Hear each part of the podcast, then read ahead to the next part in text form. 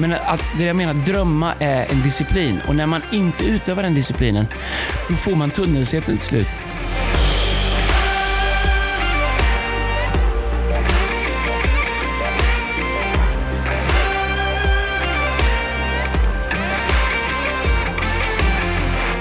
Liksom, men alltså, det har farbror Barbro Ja, lärt oss. jag har så mycket grejer jag ska prata om idag. Okej. Så har, det, vi, är ju, eh, vi är i eh, maj. Krispigt ska ljudet vara. Krispigt. Men jag, men du vet, jag har så mycket saker så jag vet inte, vi, vi får Ja, sätta av en timme. Alltså, jag, har, Ja. eh, det är, och jag vet inte heller för jag är fyra dagar från, liksom, jag har ju planerat att vi ska föda på måndag. Ja. Lagt in otroligt bra i kalendern. måste du vara nöjd över som min chef. Vad du lagt in i kalendern? Du visste inte ens att du skulle komma. Nej, det, det blev olycksfall i arbetet. Men, Men härligt olycksfall. fantastiskt. Vi ser fram emot det. Så att, eh, men jag, så jag, vet, jag tänker få passa på att prata Fyra barn alltså. Ja. Det är kalas. Det, det är jätteroligt. Du kommer vara den familjen. Kommer den. Men du, på tal om fyra barn. Så Ja, är det- de som kommer? Okej, ja men då får vi ta fram extra tallrikar. Ja, men då köper du två paket. Nu kommer Liljeros. Nej men alltså det kommer inte, du vet och sen så vet ju mina barn nu, de går in, alltså min son han går in i något, vet han bunkrar, jag vet inte vad som händer. Alltså, han äter så mycket mat så att det är inte sant. ja, Jag köper en lingongrova. Ja, Du vet, det, vet att det är Sveriges mest sålda bröd?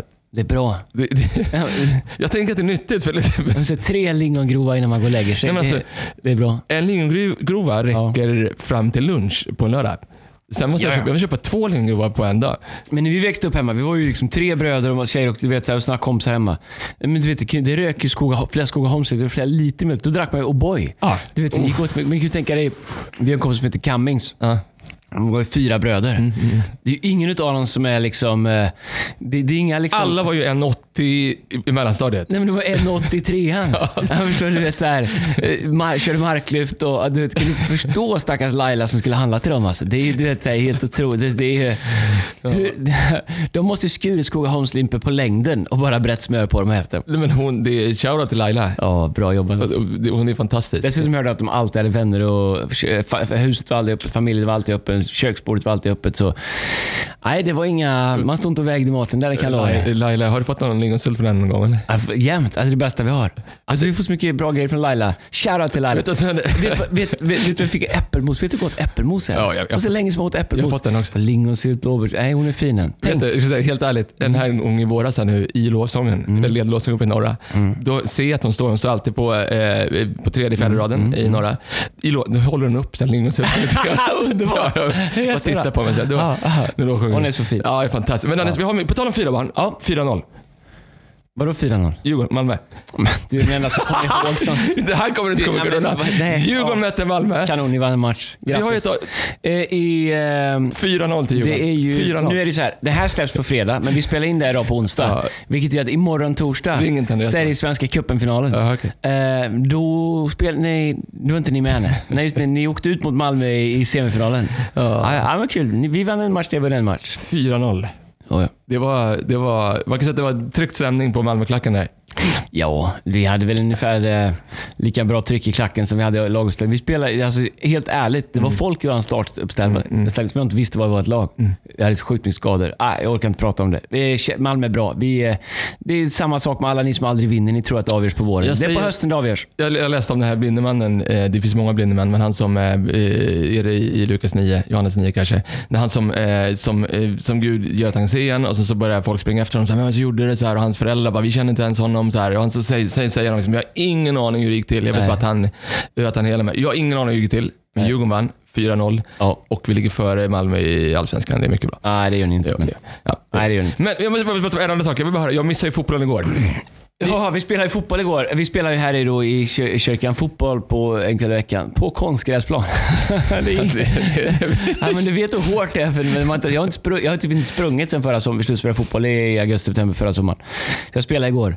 Jag hörde Ja. att det, fin, det finns ju något som är stort på, på YouTube som heter Fotbollstuben. Ja. Eh, Micke Gnarl i Vannkyrka, han har också med sig, han har en polare som heter Marpex, eller Mar, Marpex. Han var med igår kväll. Ja, Rasmus. Mm, Ja. Han är ju überstor på, det vet du. Han är Ja, ju, men jag har ingen aning. Det kom massa kids och ville fotas med honom igår. Jag har ingen aning vem han var. Alltså, han är ju skön. Jag bara spela fotboll ihop med honom. Så Adrian, min son, sitter Ja. på sitt rum och läste en läxa och helt plötsligt bara skriker han Andreas är med my pigs. Liksom, han var helt, ja, han, han var helt ga- han var eld och lågor. Så att eh, du... du eh, Jag trendar. Ja, det gör du. Ja, det Folk på Söder snackar om- Man är trendig utan att försöka. Men då såg du lite orolig ut måste jag säga. Ja, men så här, så här, alla är ju 20, jag kan ju vara pappa till alla de som är där. Det är så här bröderna Tinghäll. Och så har du Vigge och Robin som har, de har, bara, kört, eh, de har bara kört bröst och armar hela, hela vintern. På och, eh, De springer som gaseller, så Fredrik Bäckerud var med, men han hade ringt till Tobbe Tinghäll och frågat kommer jag vara äldst? Och då hade han sagt nej, Andreas är med. Men jag skulle säga att eh, det man inte har i benen det får man ha i hjärnan. För att, eh, bara för att de springer snabbt så eh, det, försöker lära mig att det går inte att dribbla sig rakt igenom alltihopa utan man måste passa lite. Men, nej, men vi vann. Vi vann matchen gjorde vi. Eh, vi spelade ganska länge, lite tio, vi spelade Oj, en och en halv timme. Ja, fint. Nej, men jag har ju min roll där i fram. Vi kör inte med offside. Så eh, jag är, jag är med. Jag är, jag är sista tredjedelen i min... nej. Tåpajar. Jag gjorde lite mål faktiskt. Och sådär. Ja, men jag hör att det var bra. Ja. Jag hör att det var bra. Det, det är bra. Det, är, det är roligt, är det. Det är kul. Du är som Gretzky du vet, när han var som bäst. De vågade inte tackla honom. Liksom. Det är lite grann det på dig. Alltså, jo, Vigge tacklade. Jag, Gjorde det, ja, men jag gjorde, så här, jag gjorde tunnel på Danai. Danai, om du lyssnar på det här. Uh, gjorde tunnel, jag klackade en tunnel på Vigge. Vet du, jag, det var ju en otrolig helg, alltså med helgen som gick här nu med alla ligor avslutades ju. Ja, Det är bara allsvenskan som ligger fel på något sätt, kör mitt i sommaren. Men det ja men, det, men det är ju för att vi... Ja, jag orkar inte ens. Det är så här, jag ska på Svenska cupen imorgon. Då ska det vara regn. Tror du att de kommer stänga taket på Tele2 Arena? Nej, nej, nej. Vi har liksom byggt två arenor nu äntligen. En Friends Arena och en Tele2 med tak. Ja. Allt så här, I USA, det hade man ju. Det kommer regna. Vi stänger taket. Nej. I Sverige? Nej, vi stänger inte taket. Alla sitter och tittar på att det finns ett stängbart tak. Dyngsura. För vi stänger inte taket. Varför stänger vi inte taket? Ja, jag vet. Ska vi ha en punkt snart igen där jag får rasa? Ja, jag Stäng taket! Ja, Men vi bor ju i Nordpolen. Det regnar ju jämt. Det är ju vinter, det regnar. Det är nästan aldrig sol. Stäng taket. ja, stäng taket. Ja. ja, jag håller med. Är det sol den dagen, öppna taket. Annars stäng taket. Det är sto- större chans att det inte är sol. Jag fattar inte. Det är bättre att man utgångsläget är att det är stängt. Det går inte, för, det går inte förstå. Det går inte förstå. Men då, då, var det, då var det ju, City höll på att vann. Daniel Webb, du är på Tele2. Du äger Tele2 Arena. Kan du säga till dem att de stänger taket? Eller bara be för det. jag var och så Malmö Bayern ihop med Webb. Jag älskar Webb. Shoutout till Webb.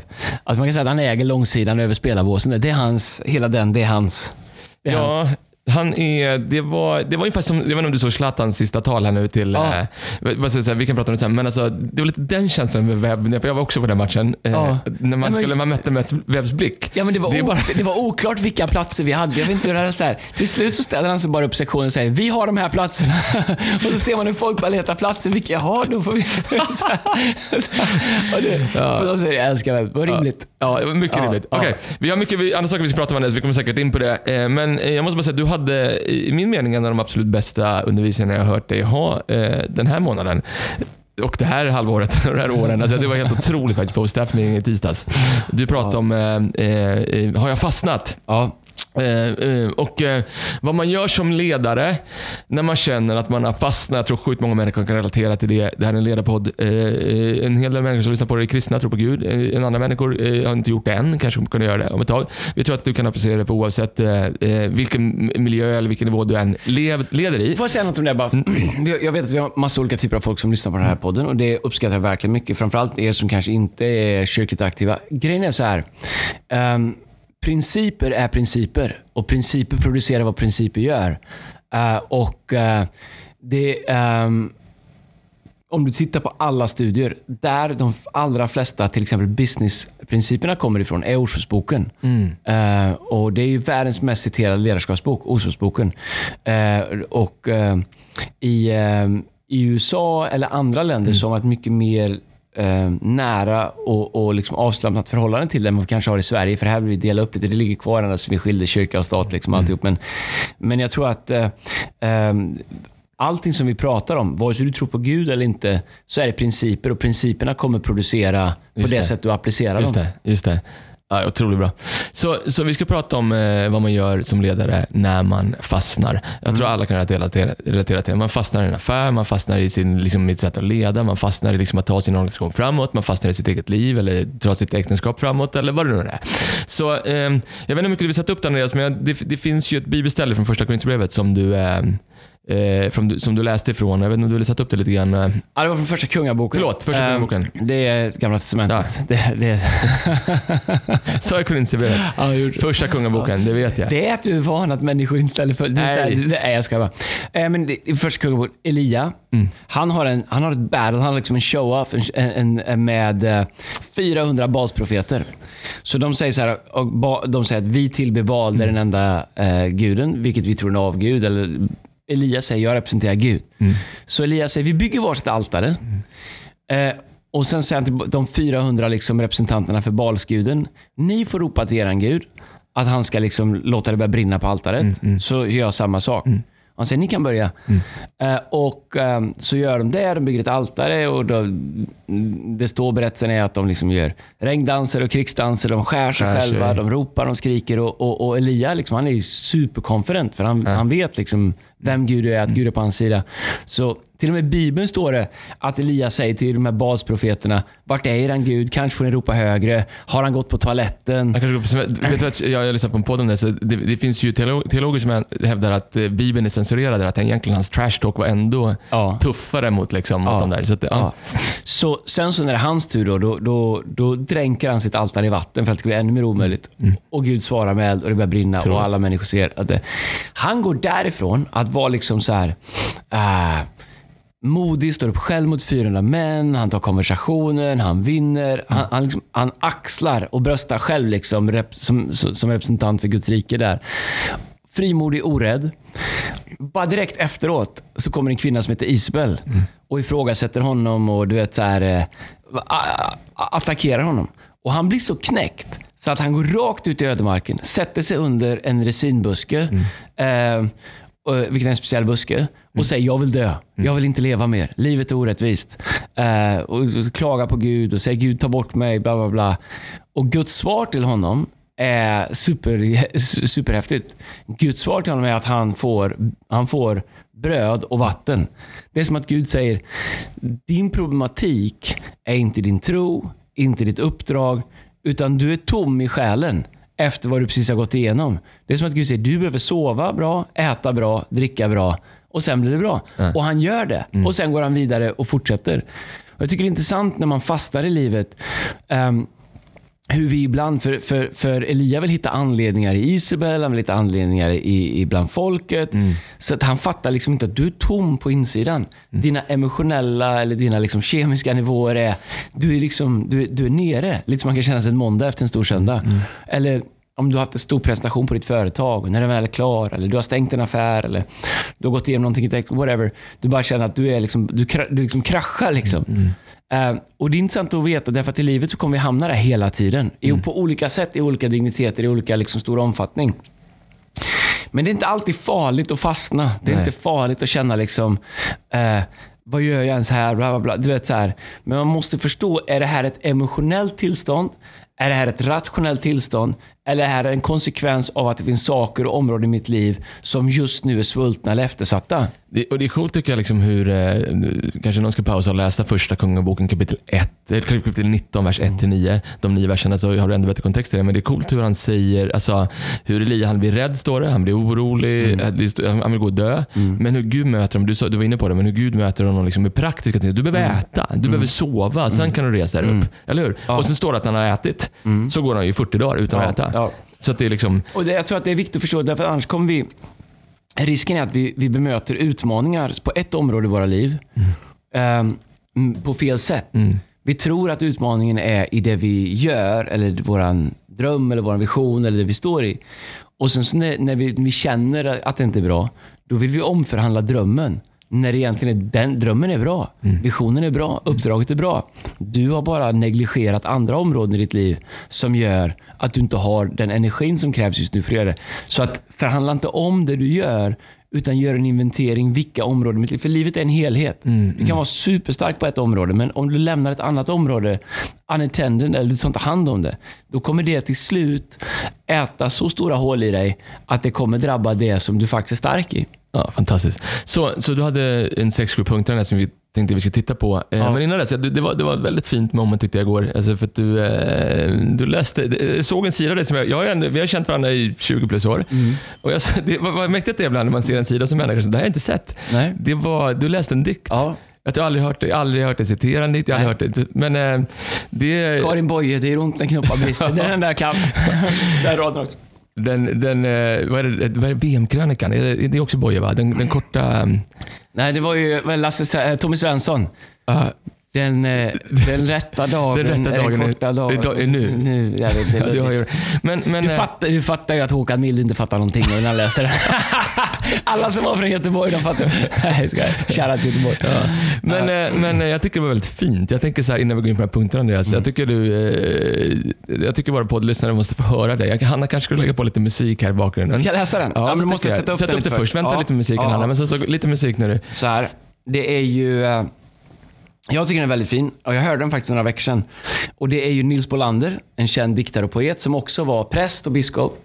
Um, han har skrivit jättemycket, du kan läsa om honom. Han skriver om det här skavet av att vara pastor eller predikant eh, och känna att man förvaltar så stora saker som de heliga sakerna är. Men man är ytterst mänsklig själv och diskrepansen däremellan.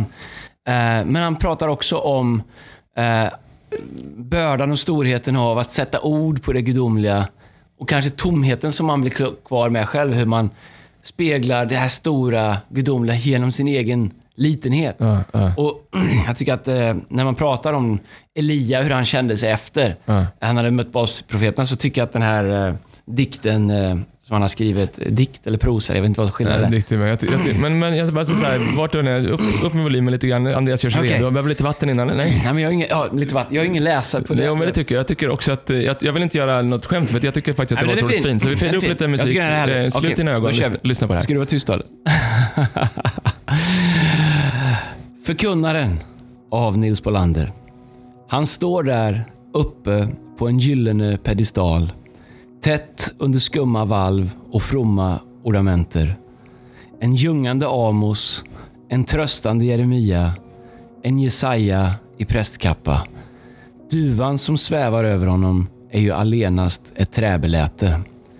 Ni som sitter där nere i bänkarna, ser ni inte vem han är? Ett pelarhelgon. Guds talträngde advokat. Nej, en liten människa i stor nöd. En som håller domedag över sig själv. Ni som sitter där nere i bänkarna, vet ni hur han känner sig när han smyger ner från predikstolstrappan? Som en som har förrått sin bäste vän. Ordlekare, textvrängare, en som har tummat med smutsiga fingrar på heliga ting. Ve mig, ty jag förgås, ty jag har orena läppar. Men när den barmhärtiga psalmsången svallande rullar fram bland tempelpelarna med en namnlös längtan av rytmer och rop, då knäpper han sina händer i sakristians ensamhet och tackar sin Gud för den ofattbara nåden att trots allt få stamma fram ett bud från levande Gud. Den är fin. Oj, oj, oj. Den är fin, eller hur? Ja, ja, Jag vet inte om det är att man måste vara predikant själv för att, som gör att för mig det är så enkelt att se mig själv i det. ja, helt otroligt. Skillnaden att, att när han säger att, eh, när han pratar om eh, eh, smutsiga fingrar på heliga ting, Ja. så det är... Ja, det eh, men det tar tag. Ja. En som har tummat med smutsiga fingrar på heliga ting. Ja. Det och eh, även det sista när han pratar om att, eh, att han tackar sin Gud för den ofattbara nåden att trots allt få stamma fram ett bud från levande Gud. Nej, det är fint. Det är, Gud är god. jag omfamnar det. Jag, Jag är jag, jag tror att många Att, med mig eh, Andreas som uppmuntrar dig att, eh, att liksom utforska den här sidan. som, det, jag, tycker det, jag vill inte skämta bort det, här, för jag tycker att det, det var helt otroligt. Okej, sju saker. Ja. Vi är tillbaka. Nog med dikter idag, men sju, sju saker. Eh, ungefär så länge sedan. ja, nu kör vi. Kommer du ihåg? Kom, på tal om dagens dikt. Var du inte såhär... Det är boktipset va? Ja. Dagens Johan var något annat va? Nej, det var hans boktips. Var det? Det var, nej men du nynnade precis på anslagstavlan. Nej. Det var ju... Okej, det kanske är en annan. Det var anslagstavlan var det. Ja, det jag tänka- jag- jag- Bok, de Zappa och allt. Det fanns inte Zappa på det på den. Det var att kolla på det eller slå över test, sen, kom, sen, kom fyra, testbild. sen kom fyra. Tänk när fyran kom ändå. Kvinnofängelset Ja, runt ja, midnatt. ja, ja, ja. Oh, man kollar på det. Solnedgången alltså. Det? Ja, Det var, ja. det. Men okej, sju, sju saker. En röst i natten. Och ställa, ställa stu, kanske sju frågor eller sju, sju saker liksom, en checka på liksom, om man har fastnat. Eh, eh, första saken. Nej, mm, låt oss bara ge Mm. Kontext. Om du känner att du har fastnat eller du har tappat fotfästet. Här är sju saker att inventera i ditt liv. Eller sju saker, frågor att ställa dig för att titta på olika områden vart det kan vara i ditt liv. Bra. Punkt ett. Har jag slutat drömma? Ja. Jag tror att eh, en av de sakerna som händer när vi fastnar eller när vi tappar perspektiv eller när vi tappar liksom fokus, det är att vi sänker blicken. Jag märker själv. eh, hur enkelt det är att få tunnelseende. Framförallt när the pressure is on eller du måste leda stort. Eller du liksom, hur enkelt det är att få tunnelseende. Det, det som händer är att eh, när man är pressad så känns det som allt går mycket fortare än vad det gör. Jag övningskör min äldsta dotter Selina. Hon, hon är grym. Hon gillar att köra fort. Det är därför vi jobbar med. Hon kommer fort in i korsningen, fort in i liksom rondellen. Men hon kör jättebra. Eh, men jag säger till henne att uh, Sellis asfalt ser likadant ut i hela världen. Du behöver inte titta 20 meter framför marken. Och Det säger jag därför att det sa Masse Wernklint, min körskollärare till mig när jag körde. Det bästa jag hört. Ja, men han sa, "Ja, men asfalt ser likadant i hela världen. Åk inte och kolla på asfalten. Han, och han sa, lyft blicken, se det runt omkring. Så jag säger till Sellis, hej, kolla där. Du vet när vi åker bil, jag gillar, jag, jag har en gåva att se djur överallt. Jag, det kan vara liksom, kilometer bort i periferin och bakom. Jag, jag bara ser dem. Det kan ha min hjärna att göra. Att min, hjär- Det känns som min hjärna tar kort. Och om någonting rör sig på något konstigt sätt i de här stillbilderna så Rayman. Men, eh, men jag säger till Sellis, hej, se det runt omkring. Och jag säger, ju fortare du kör, ju mer tunnelseende kommer du ha. Ju långsammare du kommer in i en rondell, ju mer tid har du att se dig runt omkring och se vad gör den bilen, vad gör den. Och det är samma sak med, eh, med våra liv och med ledarskap. Att ju, ju, liksom när det känns som saker går fortare så ser vi mindre. Vårt synfält blir smalare. Jag har kört rätt fort med bil, inte längre. Det gjorde jag i min ungdom. Eh, när du kommer upp i 150, då då förändras ditt perifera seende väldigt mycket. När du kommer upp i 200, då ser du nästan bara liksom rakt fram. När du kommer upp i 250-260, då känns det som att du kör i en... säga, du ska inte komma upp... Måste, Nej, det är nej, inte nej, bra nej, om men du det upp inte- nej, men nej, 250, nej. Men, Om man gör det. om man gör Om det skulle hända. det är ingen som har gjort det. Nej, men, nej, men om man... Om, Ja, ja, har du, Ja. så har du hört det? Ja, om man har provat en sån bil i USA när man bodde där, så att det gick köra så fort. Eh, på inhägnad För bana. jättelänge sedan. alltså. Ja, ja men på inhägnad. Under, ja, ja, skitsamma. Uh, med hjälm och dräkt och allt. Eh, det som händer är att det känns som att det enda som är så var det för mig i alla fall. Det enda som har skärpa, det är liksom nästan som att köra ett sugrör. Det enda som har skärpa är det som är precis framför. Allt annat är bara, det går inte att ta in detaljer längre. Det känns som att det är liksom out of focus. Och om du har förmåga att koncentrera dig, då liksom ser du vägen. Men du tappar allt perifera. Jag tror att det är samma sak när man slutar drömma. Det, är så- när du slutar drömma känns det som att allting går för fort. Det är inte säkert att det gör det, men det känns som det går fort. Och när det känns som det går fort så tappar man sitt perifera seende. Du tappar den stora bilden och du får tunnelseende. Vilket gör att per definition så, liksom, eh, så fastnar du med blicken på saker och ting som ser större ut än vad de är. Och eh, Jag tror att eh, det är jätteviktigt att pausa, ta ett steg tillbaka och säga, drömmer jag? Därför att här är grejen med drömmar. Eh, dröm, att drömma är en... Vi sa ju för mig att de här ska vara 20-30 minuter. De är längre. De får vara så idag. Det Idag blir längre. Ja, idag blir det långt. Ja. Eh, det är bra. Jag- I värsta fall får dela upp den på två. Men jag tycker det är mycket här som, som är värt att stanna till. Så här, del, när jag växte upp i skolan, jag tyckte skolan var skittråkig. Skolan är inte gjord för sådana som mig.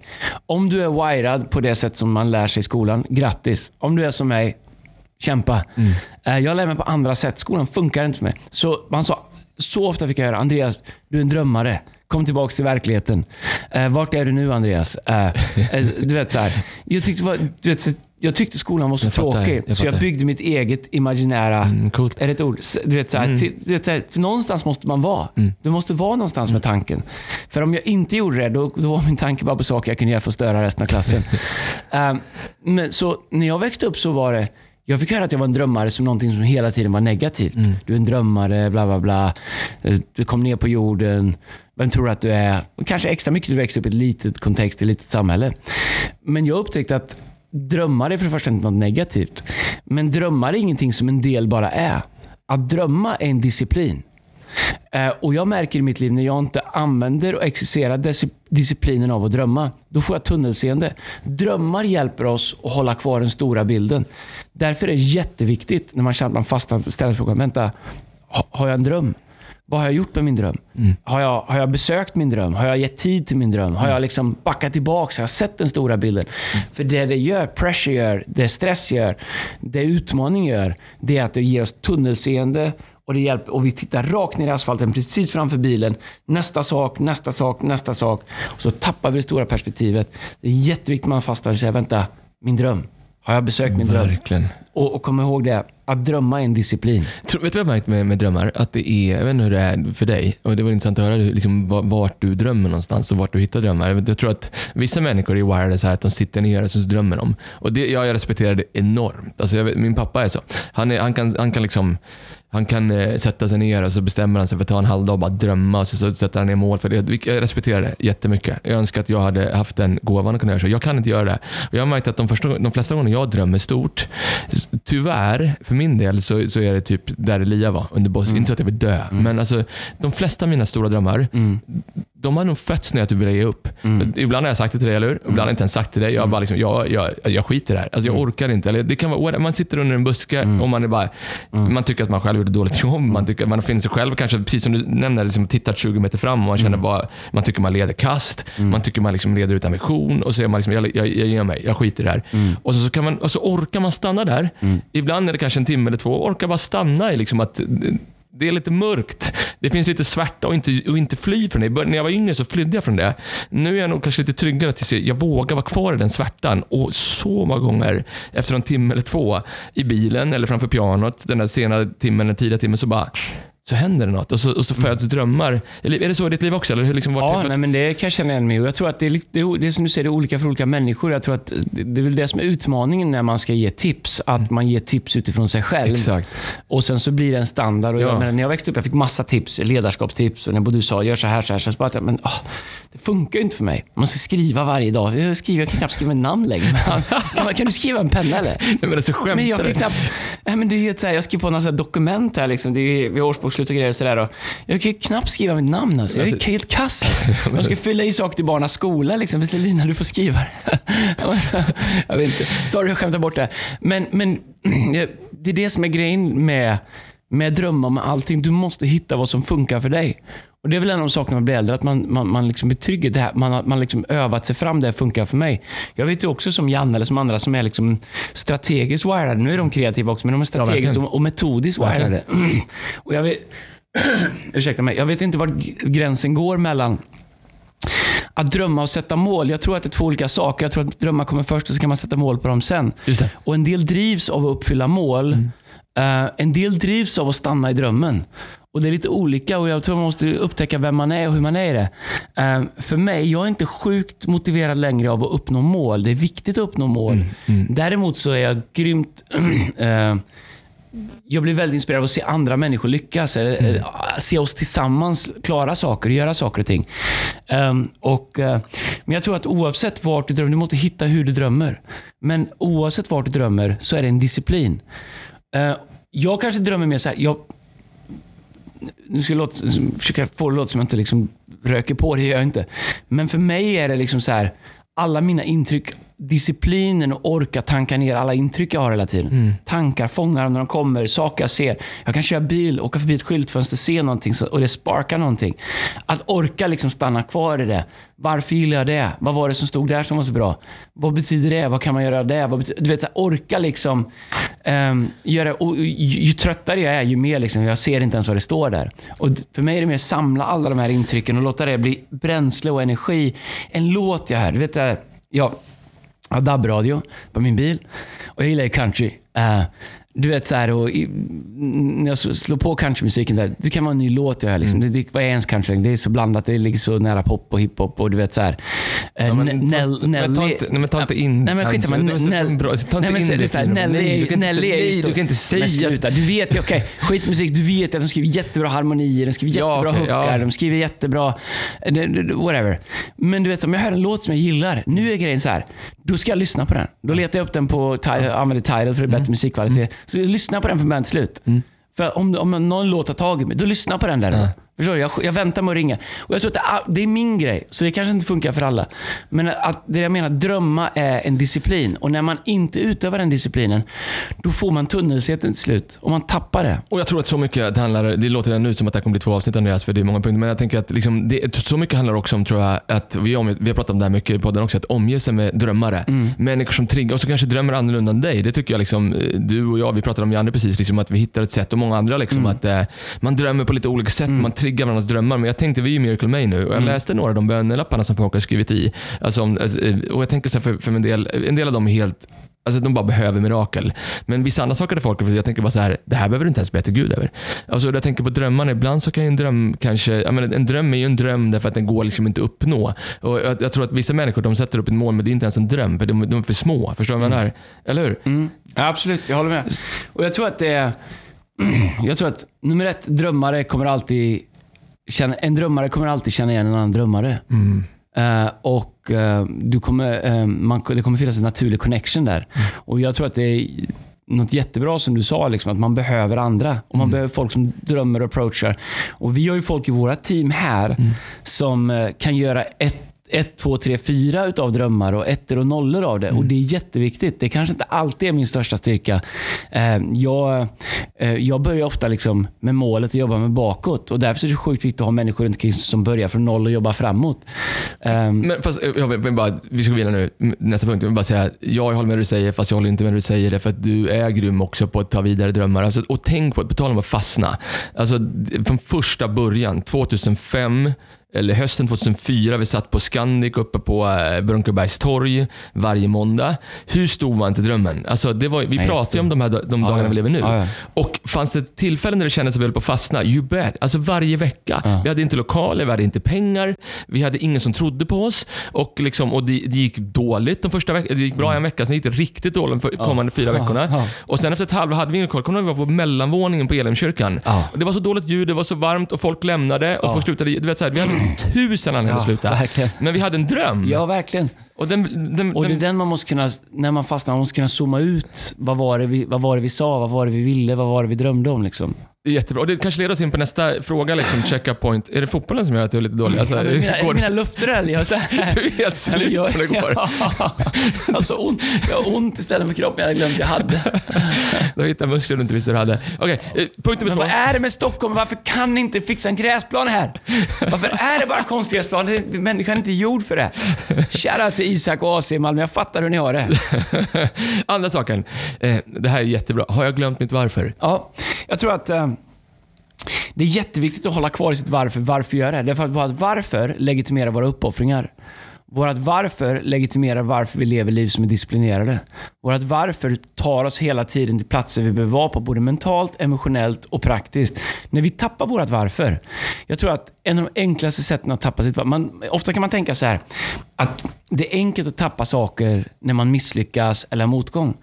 Jag tror att framgång är ännu svårare. Jag säger inte att vi är framgångsrika. Vi har haft ett mått av framgång. Vi har gjort vissa saker som lyckats bra och jag tror att det är, för mig, när jag känner att vi inte lyckas, eller det, det är det är enklare för mig, för att då, liksom, då rullar jag upp armarna liksom, och kör ner pannan ännu djupare och liksom plöjer ännu hårdare. Mm. När vi lyckas med saker och ting, det är ännu svårare. Därför att oftast när man lyckas med saker och ting så glömmer man hur hårt man jobbar. Man kommer ihåg segerns sötma, men man glömmer kanske svettet som man la ner för att 100%. komma dit. Och eh, Det som händer när man gör det, det finns en berättelse om David i Bibeln. Eh, David som är herdepojk, eh, bortglömd, bla bla bla, kommer, ska lämna mackor till sina bröder som står uppradade mot filistenerna. Goliat, en av filistenerna, utmanar Israels armé. Eh, och David kommer dit och han, kan, han, liksom, han, vill, han tar det inte. Liksom. Han säger jag, jag kan möta honom. En tvekamp. Liksom. Den som vinner, vinner allt. Eh, och han, är liksom, han har ett sånt varför. Därför att Goliat hånar Gud. Och. David har varit med Gud ute i, med fåren. Mm. Och Han har haft sådana close encounters. Så han har liksom upplevelser med Gud där. Han har skrivit låtar till honom, han har sjungit till honom. Han har, liksom, han har liksom haft, byggt en riktig relation. Liksom, där Gud är viktig för David. Gud är helig, Gud betyder någonting. Eh, hans, hans namn, hans rykte, allting med Gud betyder någonting för David. Så han kommer och hör Goliat håna honom. David är inte där för att pick a fight. Det är bara att det är någonting med det Goliat gör som triggar David varför. Och när David säger jag kan ta honom så skrattar de mot David, de hånar honom, de försöker få honom att använda vapen som inte är hans. Men David säger låt mig bara vara mig. Låt mig bara gå till Goliat med mitt varför. Mm. Och så kommer han till Goliat och så börjar Goliat håna honom och säger, tror du att jag är en hund? Ska du komma emot mig med en slunga och en, en käpp ska du slå mig? Liksom. Mm. Och David svarar, du kommer emot mig med svärd och med spjut. Mm. Men jag kommer emot dig i Herren Sebaots namn. Så David adresserar Goliat, lyssna på det här, David adresserar Goliat utifrån att Goliat har attackerat Davids varför, nämligen Guds namn. Så David säger, jag kommer emot dig med det som du har attackerat, Guds namn. Och så vinner han över Goliat. Så säger Bibeln att det blir liksom Davids breaking moment. Han, liksom, han breakar där. Och han, blir, han, liksom, det är hans, det är hans, han breakar där mot att bli kung. Liksom. Han får sitt genombrott, sen blir han kung. Och han leder Israels eh, land i en liksom era av sån framgång och sån success. Allt han gör, han vinner alla krig, han sätter människor fria. Det är välfärd i landet, det är rättvisa i landet. Han är en älskad och aktad kung. Eh, därför att han, liksom, han vet vad hans varför är. Mm. Han föddes in i det. Liksom. Han var förberedd i det fördolda och han föddes in i det. Så står det att vid en, vid en tid när David skulle leda sin armé i krig så stannar han hemma. Mätt. Mm. Jag har gjort det här så många gånger nu. Vad spelar det ens för roll? Liksom? Är det så viktigt att jag är med? Så han säger att han skickar ut de andra istället för att leda trupperna själv. När han var hemma fick han syn på en kvinna. Uh, han fattar fel beslut. Han raserar sin credibility. Han raserar allting. Och, och, och uh, han, han liksom håller på att förlora hela sitt liv, förlora sitt uppdrag. Allting som han har gjort. När han vaknar den morgonen så har han inte tänkt att sabba det med, med den här kvinnan Batseba. Nej, exakt. Han har inte tänkt att sjabbla bort sin kallelse. Han har inte tänkt att sjabbla bort liksom sitt mission. Men han bestämde sig för att inte leva i det som var hans uppdrag, hans varför. Och när vi tappar vårt varför, eh, eh, när vi, då, då, då tappar vi liksom vi tappar vår förståelse om vad är det som gör att vi vinner. Just det. Och vi tappar också perspektivet på va- varför det är värt att göra de uppoffringar som vi gör. Om jag liksom bara under ett ögonblick slutar tänka på det faktum att vi vill göra Stockholm till en bättre plats att leva i, eller alla städer i Sverige, det är hela Sverige såklart. Jag vill att människor ska lära känna Jesus, jag vill att de ska lära upptäcka villkorslös kärlek, att de ska upptäcka frid och hopp, att familjer ska upprättas, att unga människor ska veta att det finns något att leva för. Det är liksom mitt varför. Det är, jag brinner djupt för det. Om jag backar ifrån det, det det kräver av mig att leva och leda för att det ska vara möjligt, det är inte värt det. Jag kan inte rättfärdiga de uppoffringar jag gör om det inte är i relation till det som är mitt kas, mitt varför. Eh, jag har bestämt mig för att investera mitt liv i att andra människors liv ska bli bättre. Det är det jag sår mitt liv in i. Och Det är inte rimligt mänskligt när jag sätter mig ner och gör min eget livsbalansräkning. Men mitt varför är så starkt att det blir en förmån att göra det. Men om jag tappar mitt varför, då är det inte rimligt. Så när jag tappar mitt varför och tänker äh, jag stannar hemma istället för att gå ut som jag borde. Äh, jag, jag gör inte det jag borde göra. Jag, jag backar lite. Jag, jag liksom gör lite annat. Jag liksom tar hand om mig själv lite nu. Jag kan hitta alla möjliga bra termer för det. Därför att det blir inte rimligt att göra det jag gör när jag tappar mitt varför. Men det som händer när jag tappar mitt varför är att jag börjar fylla det med andra saker som kommer vilja stjäla och attackera det som är meningen med mitt liv. Och Därför så är det så viktigt när man fastnar och säger, vet du vad? Har jag fastnat för att jag glömt bort vad jag ska göra? Har jag tappat mitt varför? Wow. Vad var det jag drömde om? Vad, var jag, vad är det jag bett Gud om? Vad är det jag såg framför mig när jag startade det här företaget? Vad var det jag ville när jag bad, bad den här kvinnan att gifta sig med mig? Vad var det jag lovade henne att göra i vårt äktenskap? Vad var, vad var mitt varför? Vad har blivit vardag? Vad har blivit saker jag tar för givet? Saker som, var, som jag byggde mitt liv på, som nu jag både kan ha och mista. Det som händer när vi tappar vårt varför är att vi börjar stanna hemma i vårt hjärta. Vi börjar stanna hemma när vi borde, gå, när vi borde dra ut i fält. Kan, kan man säga det? Jag tycker det är otroligt bra det finns mycket eh, eh, reflektioner utifrån det Andreas. Jag tänker hela David Goliat och Goliat, en bild på eh, jättarna i våra liv och Mm. saker som försöker liksom containas liksom, som gör att vi fastnar. Men jag tänker eh, ett, ett, en ledare utan ett varför är en ganska oattraktiv ledare. Alltså, och en ledare med ett varför. Mm. Jag vet själv när jag, eh, när vi, vi hade ju det där var, vi hade ju ett varför big picture liksom, med vad jag ville med mitt liv och sådär. Men sen så när, vi, när du och Lina bestämde för att starta kyrkan, liksom, och då, då fick det där varför liksom, fötter och händer. Men. Det blev liksom ett tydligt, jag jobbade på en reklambyrå eh, då och sen så var jag helt volontärt kyrkan. Sen efter ett par år tror jag så, eh, så började jag jobba två dagar i veckan i kyrkan. Jag, till och med att jag jobbade halvtid och så bara, jag sa upp mig och så bara litade vi på Gud på att vi skulle, att vi skulle lösa de andra sakerna. Och jag vet att jag gick till eh, min chef eh, på reklambyrån där, Björn som du träffat. Mm. Eh, och eh, alltså, så jag, jag, måste följa mitt hjärta. Alltså, jag brinner så mycket för det här. Jag, det, det låter konstigt att säga, jag måste göra det. Mm. Jag bara, vad, vad, har du fått bättre lön? Jag bara, nej, sämre lön. nej, men vad är det? Liksom, är det bättre arbetstid? Nej, det är, liksom, det är, det är längre dagar. Men, men jag bara måste följa mitt hjärta. Mm. Och sen så han bara, eh, okej, okay. ja, du får berätta det här för Säve. Så gick jag upp för, för det här byrån. Jag, så jag sa samma sak. Jag, jag, liksom, mm. jag, jag älskar den här arbetsplatsen, men jag, har, jag brinner för någonting mer. Mm. Alltså, jag måste följa mitt hjärta. Jag minns de kommande veckorna, de samtalen jag hade med mm. människor bara på den reklambyrån. Så sa jag, ja, man kanske skulle följa sitt hjärta kanske. Man skulle, vet, så här, jag vill komma till, jag vill komma till det så här. En ledare som har ett varför, mm. ett tydligt varför, det är så attraktivt. Mm. Alltså, du vet, folk kommer springa efter dig. Absolut. De kommer gå efter dig. Men en ledare som inte har ett varför kommer, ja. nu ska vi göra det här, det här måste vi göra. Du vet, så här, och inte lyckas kommunicera varföret. Mm. Det, du, vet, så här, du kommer förbruka människor och folk Verkligen. kommer springa ifrån och leta efter någon som har ett varför, eller hur? Mm. Och just det vi pratar om, när man fastnar i livet. Det är värt att fundera på, har jag slutat drömma? Har jag glömt mitt varför?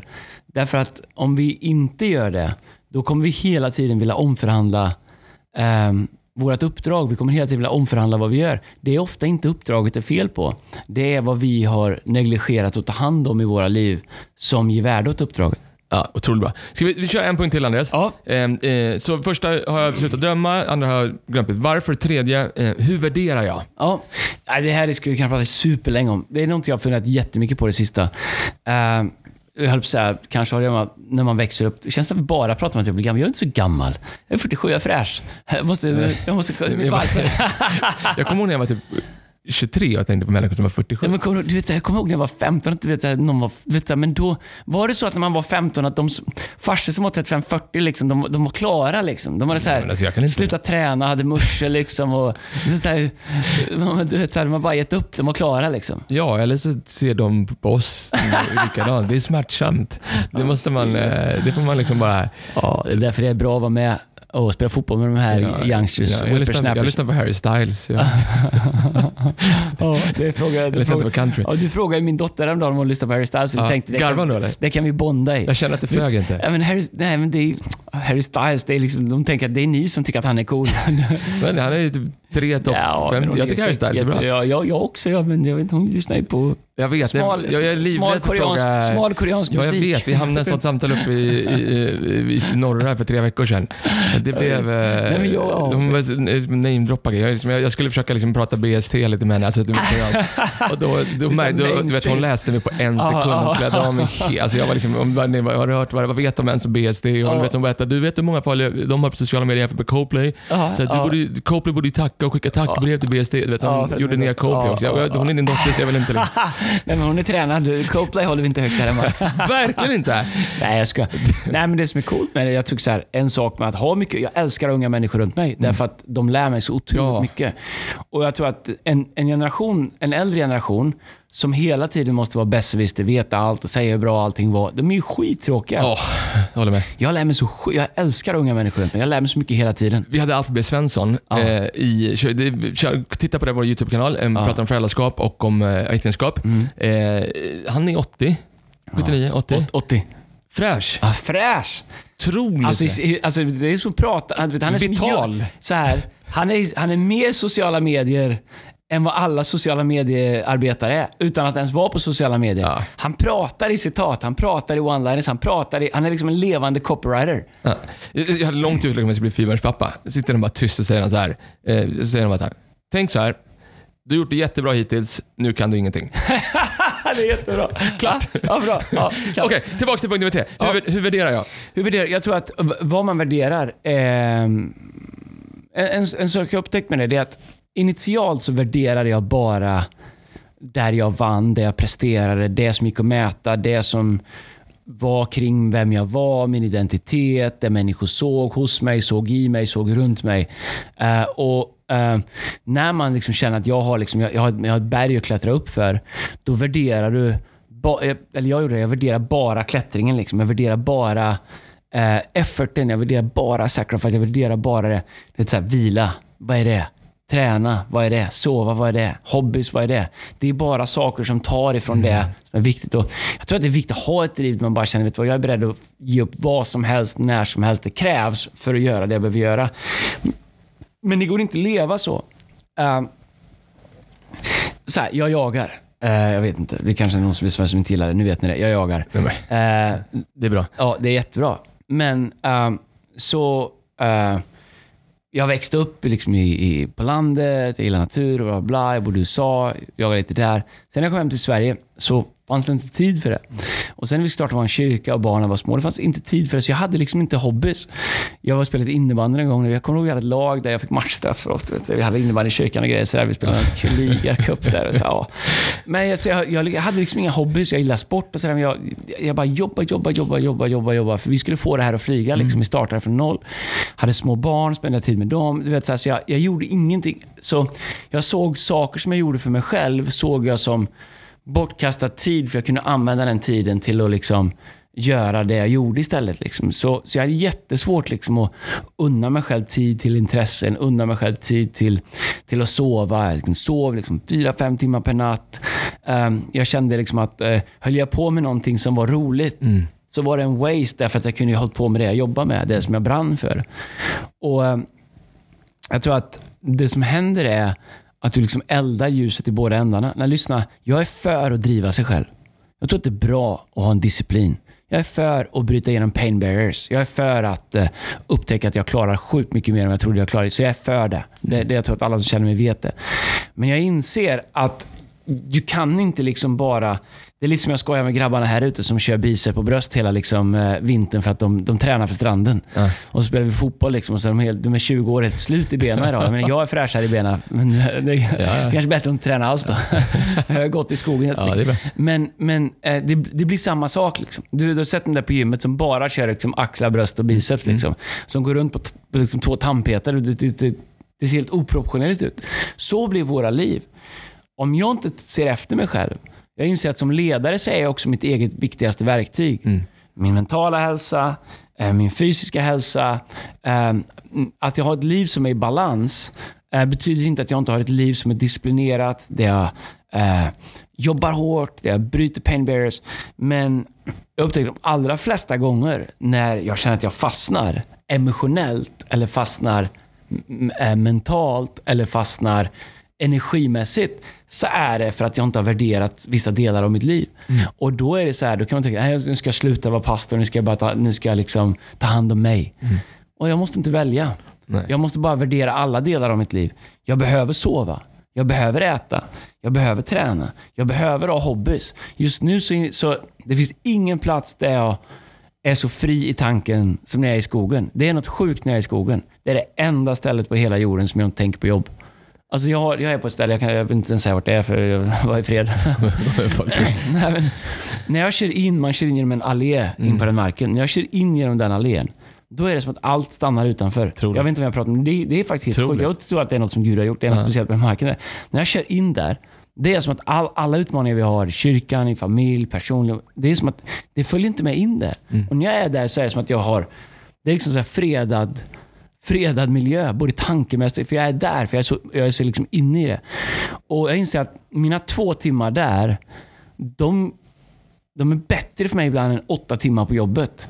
Ehm, därför att får jag två timmar där, så det som i vanligt fall tar åtta timmar på jobbet kan jag göra på en timme. Därför att jag kommer in fräsch i tanken.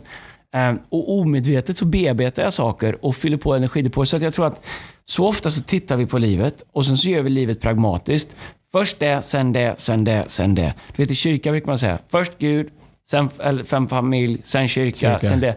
Men varför dela upp livet så? Exakt. Varför liksom så här lista? Varför, varför, gör, varför, få, varför, varför ställa saker i livet mot varandra?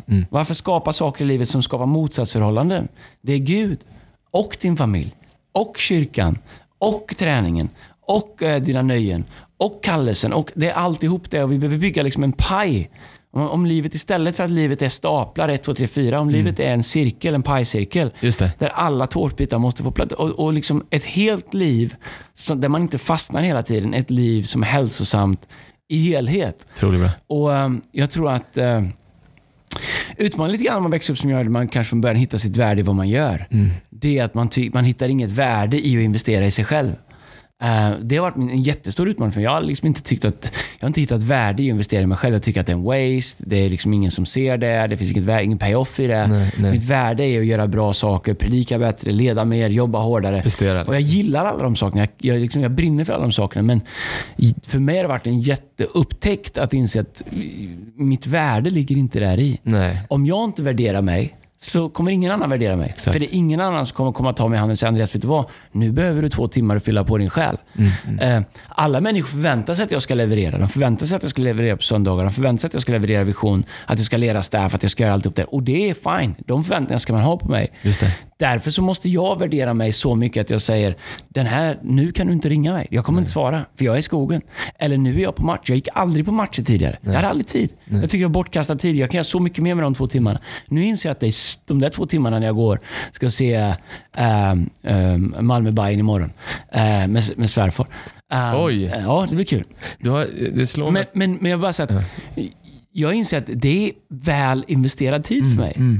Det, det, det är bra för mig att göra det. Och, jag, och, och, och kanske det är bara jag som har varit pucko innan och inte fattat det, men jag tror att jag har fastnat så många gånger för att jag har varit tom och torr och liksom opåfylld på områden i livet. Ja. Så att till slut drabbar det jag gör.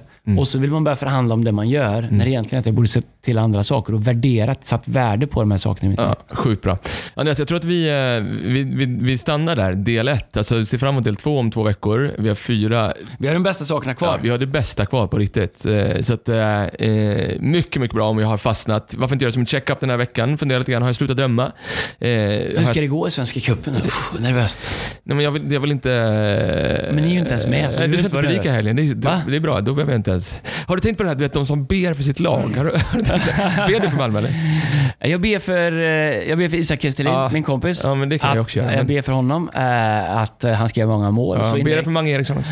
Nej, det gör jag inte. Okej, Eh, det blir, det, han är inte på min lista. Okej. Han, han var det när han var i Malmö. Jag har en... eh, Jag har en vän. Men säg, vet du vad jag tycker är kul? Ja. Jag tycker att det är roligt att det finns många lag, för när Mange inte platsar i Malmö längre, så att det fanns Ja, en plats för dem i Djurgården. Det tycker jag ändå är fint. Hade- Att, alla, att det finns en plats för alla. Han var, alltså, eh, MVP i Allsvenskan 2021. Ja, han fick en tackling av Martin Olsson. En tackling, var borta i två Men får jag säga månader. en sak? Jag, jag, jag, du har en Nej, jag- jag har en vän som är pastor i, i Leeds, men också han har, de har kyrka i Birmingham, Dave Niblock. Du känner Ja, honom lite grann. ja, ja, ja. Han, han satt ju och tittade, de, I Birmingham finns ett lag som heter Aston Villa. Ja. De mötte ju Manchester City. Ja. Och eh, Han håller på Liverpool, long story Ja, short, ja. men eh, City var tvungna att torska mot Villa. Mot Villa. Ja. Så han bara pray for Villa, pray for Villa. Och, så, och det gick ju så bra. Tills- ledde. Ja. Och sen i matchminut 76 gjorde de tre mål. Ja, Då skrev man så här, I guess another church started to pray for Manchester City in minute 76.